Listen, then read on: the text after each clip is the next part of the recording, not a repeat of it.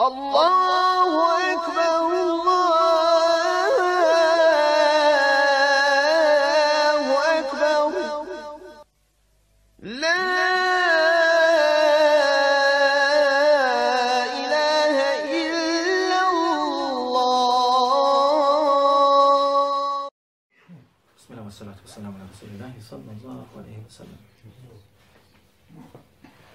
Nastaviti, inša Allahu ta'ala, na ono što smo govorili prošli, prošli put.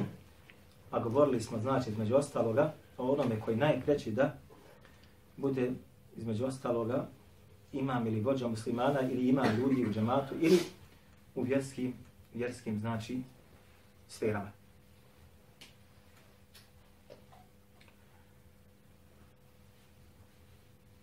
Pogledajte, braćo.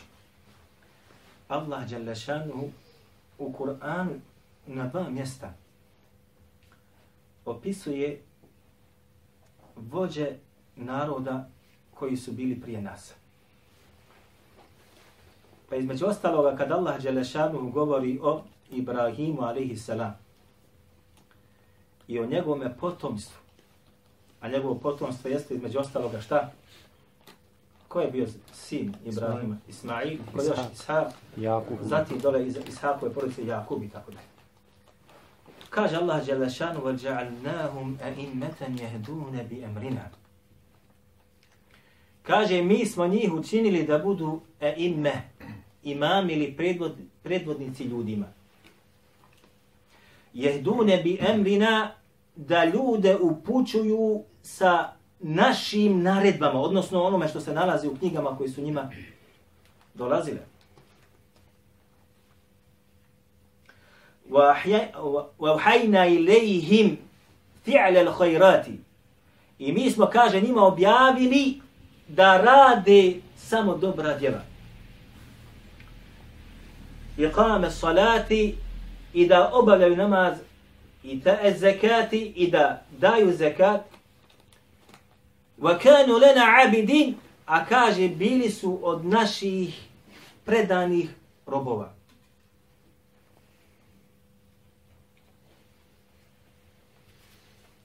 Ovdje Allah subhanahu wa ta'ala opisuje znači potomstvo Ibrahimovo da je bilo od vođa vjernicima koji su bili iza njih.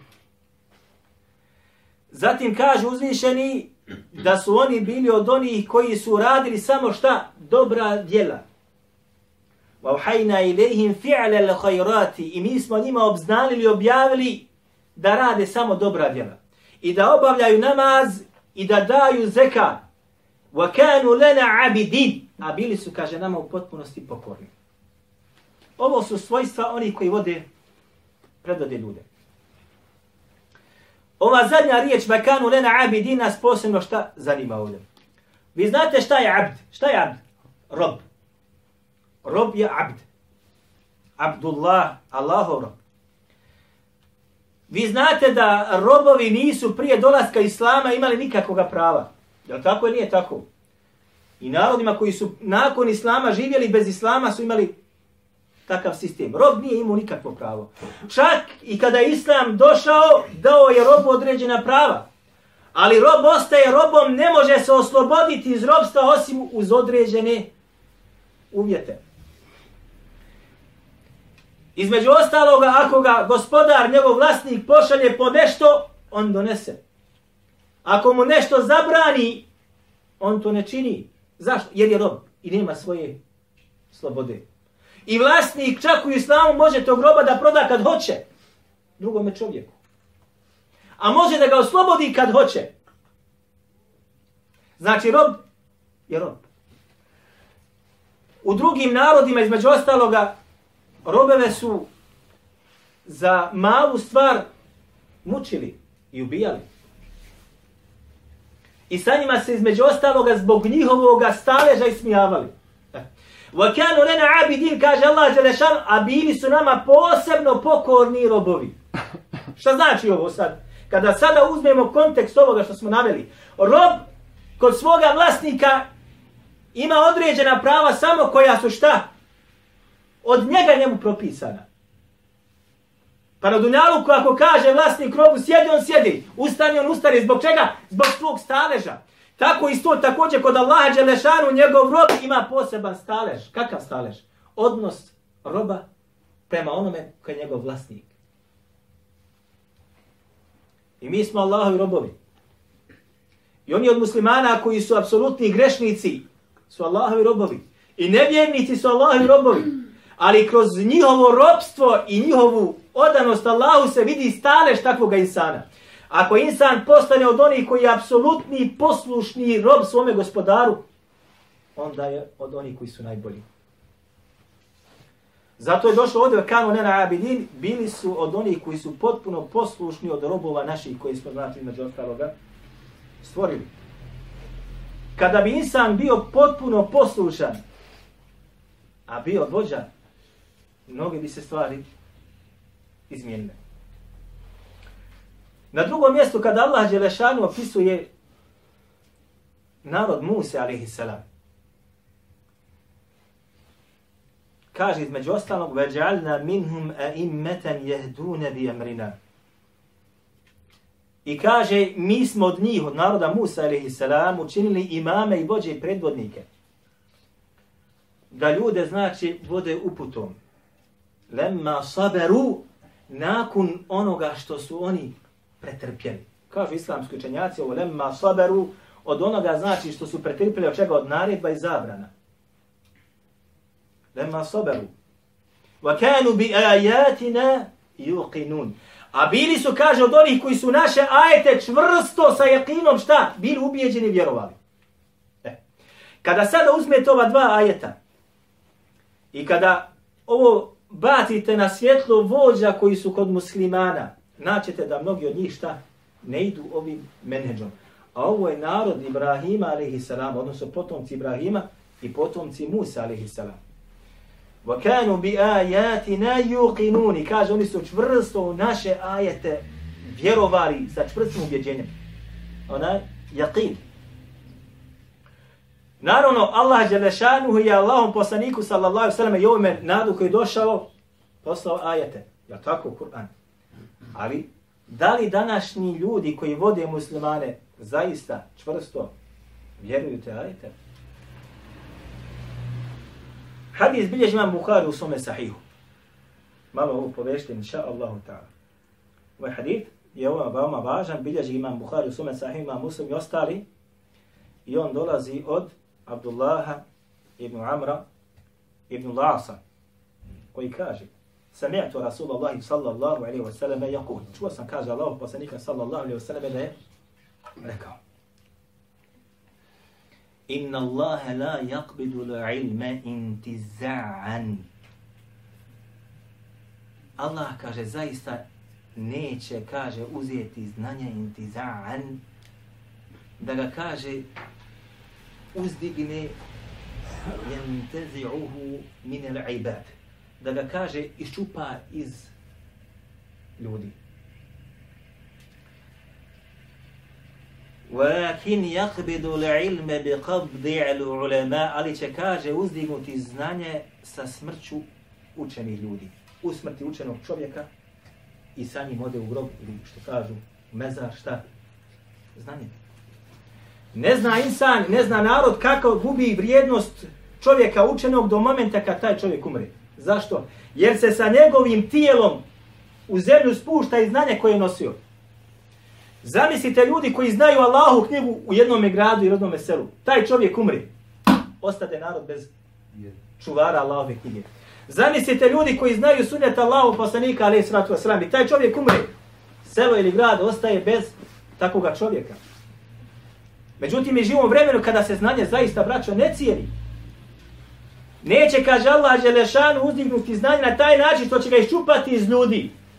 Nego će ga, kaže, uzdignuti usmrćivanjem učenih ljudi. Pogledajte, braćo moja draga. Evo, nedavno je umro ko Šuajbar Naud. Šuajbar Naud je jedan od velikih islamskih učenjaka koji se neće sigurno ponoviti nakon njegove smrti. Zašto? Nakon smrti učenjaka sve dolaze šta? Oni koji su manje i manje učeni. Braćo moja draga, između ostaloga kaže se da bi muftija bio muftija mora da bude, kaže, između ostaloga stavio šta da bude mučtehid. Mučtehid da znači samovoljno ili shodno svome znanju iznalazi šarijatske propise. Nema da pita koga, da se sa nekim savjetuje. Toliko je znači sposoban da znači kada biva upitan shodno nekom pitanju, shodno kuranskim ajitima, shodno hadithima, shodno govorim islamskih učenjaka, on iznalazi propis. To je mučtehid. A da bi neko bio muftija, mora biti između ostaloga mučtehid. Kažu islamski učenjaci, ovo je najmanja stvar, najmanja stvar. Mučtehid mora da pamti sve ajet, kao zvan ajatul ahkam, da ih zna na pamet. Sve ajete propisa, ima oko 500. Mnogi uvjetu znači da, po, da poznaje šta Allah knjigu, da poznaje znači sunet Allah poslanika sa osam. Oni koji su na najmanjoj deređu, ovo je najmanji, mora, kaže, poznavati sva, sve ajete propisa. I oko 500 kroz čitav Kur'an. E, između ostaloga kaže se da imam Ševkani posljednji mučtehid koji je bio u Mumetu. 13. miđarskom stoljeću na sebi. Za njega se tako kaže, braćo. Jedan od posljednjih mučtehida on. Danas ima umet, nema mučtehida. Jer da bi čovjek bio mučtehid, mora biti, znači, toliko sposoban da shodno kuranskim ajetima, shodno kuranskim tek, e, tekstom ili hadijskim tekstom koji pamti, iznalazi rješenja za sva ona pravna pitanja koja biva upitana. Dakle, kada umre neki čenjak, na njegovo mjesto dolazi neki drugi, sigurno. Ja kada sam bio u Egiptu, kada sam bio braćo, mi smo govorili sad o tahtihima knjiga. Jedan od ljudi koji sam ja poznavao i znao sam njegove kvalitete znanja, Arab. Radio je jedno djelo u akidi, odnosno on je pravio, ona je vršio ocenu haditha koji se nalaze u tom djelu. I knjiga se pojavila i piše dole mu ta i ta. Ja čovjeka znam. Ja odem njemu. Otko ti mu haqqik? Otko ti stručnjak u hadijskoj znanosti? Šta je uradio? On se potpomagao sa kompjuterom, internetom. Svaki hadis koji se nađe ovde, on ga, njegovu ocenu i ono što se govori, skine iz onoga što se nalazi, imate posebne, onaj sada, zovu se Mektebe, gdje se nalazi puno knjiga i puno znači ovih stvari, onda oni to samo prilijepi, zalijepi, prilijepi, zalijepi. I on je oštampo to djelo i ispod njega njegov potpis dole stoji. Ali ja znam da on nije stručan u tome. I sam znam da nije stručan u tome. Dakle, na, njegovom, na njegovo mjesto mora sjest neko. Kad umre ovaj, mora tako da sjedi. Zato kaže Allah poslanik sa sveme, neće Allah Đelešanu uzdignuti znanje uzdizanjem iz ljudi, nego će, kaže, ga uzdignuti sa smrću islamskih učenjaka. Hatta idha lem yubqi aliman ittakhadha nasu ru'usan juhala. Tako kaže da neće ostati ni jedan učen čovjek. Šta će se dogoditi? Tehada nasu ru'usan juhala. Pa će kaže ljudi sebi za predvodnike uzeti one koji znanje nemaju. Suilu fa aftau bi gajri ilmi. Pa će, kaže, bivati upitani. Ljudi pitaju. Pa će davati fetve i pravna rješenja bi gajri ilmin. Bez posjedovanja znanja. Fa ballu wa ballu. Pa će u zabudu da ode taj koji daje tu fetvu, a sa sobom će povesti i ostale u zabudu. Mi zaista, braćo moja draga, živimo jednom takvom sličnom vremenu. Sad ćemo idemo dalje. Kaže Allah poslanik sallallahu alaihi wa sallam u hadithu koji bilježi ima muslim. U svome sahihu od Huzeyfe ibn Ljemana. Kaže Huzeyfe. Kane nasu jes'aluna Rasulullahi sallallahu alaihi wa sallam anil khayri وكنت أسأله عن الشر mahafeta en yudrikani. Kaže, ljudi su, kaže, u vremenu Allahu poslanika sa osanem pitali Allahu poslanika sa osanem stalno o dobro. Samo dobro pitaju, kad će biti ovo, kad će biti ono. A ja sam, kaže, pitao Allahu poslanika sallallahu alaihi wasallam o šeru, zlu. Bojeći se, kaže, da me to zlo ne stigne, da ne upadnem u njega. Pa sam kaže, rekao Allah poslaniće, mi smo narod koji smo bili u džahilijetu, bili smo u većom u zlu i tako dalje, pa nas je Allah Želešanu počastio im hajrom. Pa islamom, da li kaže nakon ovoga islama ili hajra ima zla? Pa kaže Allah poslanik sa osrame, da. A da li kaže Allah poslaniće, će nakon tog zla ima hajra. Kaže Allah poslanik nam fihi dehanun. Vama dehanuhu ja Rasulallah. Kaže Allah poslanik da nakon tog zla doće kaže dobro. Fihi dehanun, ali kaže ima u sebi ovaj dehan jeste, braćo moja draga, odnosno dobro koje nije u potpunosti čisto. Ima u sebi primjese, ima u sebi određenih tragova. Tragova čega? Zla. Pa kaže Huzefe, a šta je taj onaj primjesa ta koja se nalazi u tome dobru? Kaže Allah, poslanik sallallahu alaihi wa sallam, قوم يهتدون بغير هدايا Narod kaže koji upućuje mimo moje upute. Narod koji ljudima govori o sunetu mimo moga suneta, ubacuje neki drugi sunet. Pa zatim kaže Huzeife radijallahu anhu, će to kaže prepoznati i negirati, kaže Huzeife, da li nakon toga dobra ima kakvoga zla? Pa kaže Allah poslanik sallallahu na'am ima kaže du'atun ala babi jahannam. Postoji kaže zlo, a to su kaže ljudi koji pozivaju ka vratima jahannama. Fa man ajabahum ilayha qadafuhu fiha. I kojim se kaže da zove, oni će, kaže, njih da gurnu unutra. Pa kaže Huzeyf radijallahu anhu, ja Rasulallah sifhum lena. Kaže, piši da im Allah poslaniš da znamo te prepoznati ljude. Pa kaže Allah poslaniš sallallahu alaihi Qawmun min jildatina wa yatakallamuna bi alsinatina. To je, kaže, narod koji je od naše kože i govore našim jezikom. Odnosno, nije to nikad niti židovi, niti kršćani. Niti su oni koji ne vjeru Allaha Đelešanu. Nego oni koji će da budu šta? Od oni koji se pripisivaju islamu, međutim, bit će od onih koji pozivaju gdje? Džehenemu. I čeka, kogod se da zove, gurnu ga unutra. Ovaj hadith ima Muslim naveo u svome pogledu kao prvi hadith, a poznato kod imama Muslima da nakon toga najviše navede znači najjače hadise, a zatim navodi one koji su malo slabiji. Zatim nakon tog hadisa odma navodi drugi hadis, rivajet je Mursal, gdje kaže Allah poslani sad od Uzefe također, isti lanac, samo Mursal. Mursal dolazi, ovaj, nije isti lanac, nego ovaj rivajet je znači prekinut lanac prenosilaca. Kaže Allah poslani sad ali ga islamski učenjaci ocenjuju vjerodostojnim zbog onoga što je prethodno gore. Kaže Allah poslanik sallallahu alejhi Jakunu "Yakunu min ba'di a'immatun." Doći će kaže nakon mene imami, predvodnici. Jehtedune, la jehtedune bihudaje. Ne upućuju, kaže narod, na mojoj uputi. Niti kaže na mome sunnetu.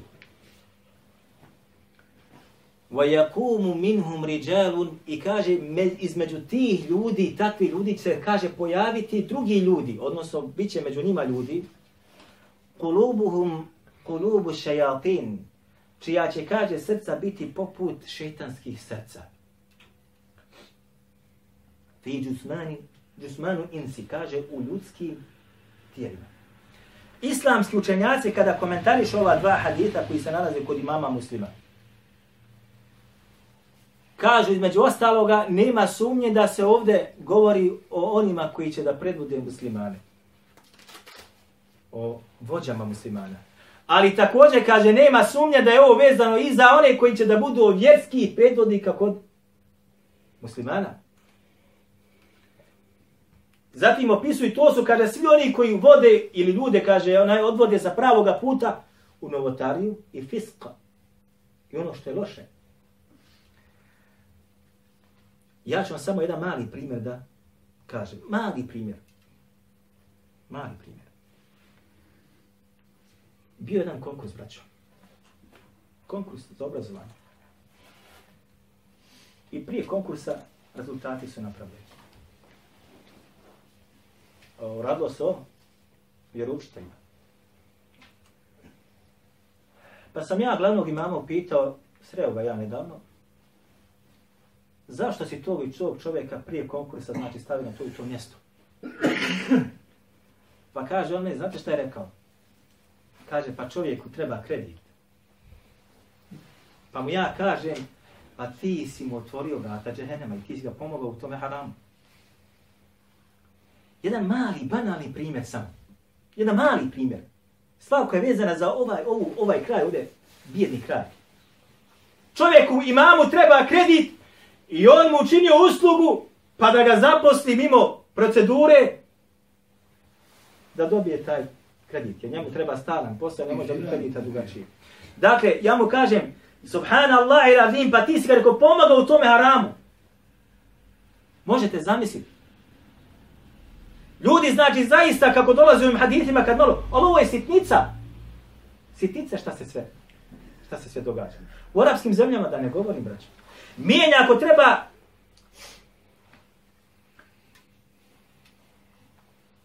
Između ostaloga, situaciju u Egiptu koja ja je poznajem. Ali Džuma koji je bio bivši muftija. Bivši muftija Egipta. Ovaj, obraćao se između ostaloga vojsi i policiji. Jednom skupu. I on njima govori kako treba ove što su ljudi koji se prihvatili vjeri, a koji nisu po njihom komandu. Zajednice muslimana u Egiptu. Azhara i ostali. Naziva ih Haridžijama i kako njih treba ubijati. Za njihovo ubijstvo dolazi velika nagrada s ono Adisu koji dolazi. I onaj koji bude od njega ubivan blago njemu. To javno govori čovjek. Znači ljudi koji pozivaju zaista na vratima džehennema stoje i koji im se odazove gurnu ga šta? Unutra. Kako dolazi u ovom dole drugom hadithu, kolubu, kolubu šejatin, a njihova srca su zaista šta? Srca koja su od šetana. Kako dolazi, a u ljudskom je samo, samo tijelo.